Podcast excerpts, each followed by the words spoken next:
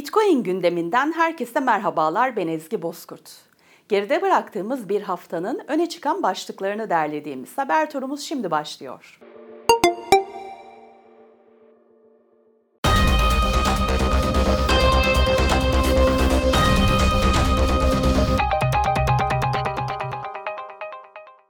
Spot Bitcoin ETF başvurularına yeni bir şirket daha eklendi.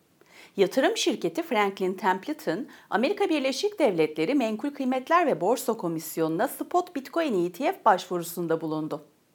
SEC'in Spot Bitcoin ETF başvuruları ile ilgili kararı ise hala kesinleşmiş değil. Londra merkezli danışmanlık şirketi Henley Partners'ın yaptığı araştırmada dünyada yalnızca 6 Bitcoin milyarderi olduğu açıklandı. Yayınlanan raporda Bitcoin milyonerlerinin sayısının da 40 binden fazla olduğu belirtildi. Bitcoin odaklı pozitif konuşmalarıyla bilinen Amerika Birleşik Devletleri Senatörü Ted Cruz, olumlu açıklamalarına devam ediyor.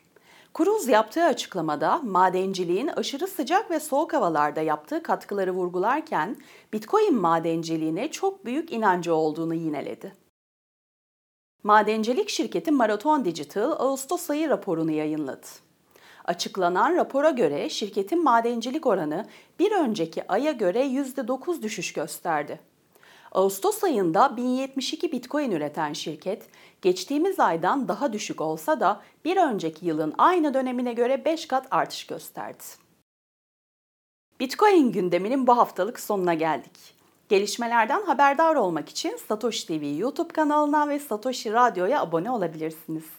Gelecek hafta yeni haberlerle görüşünceye dek hoşçakalın.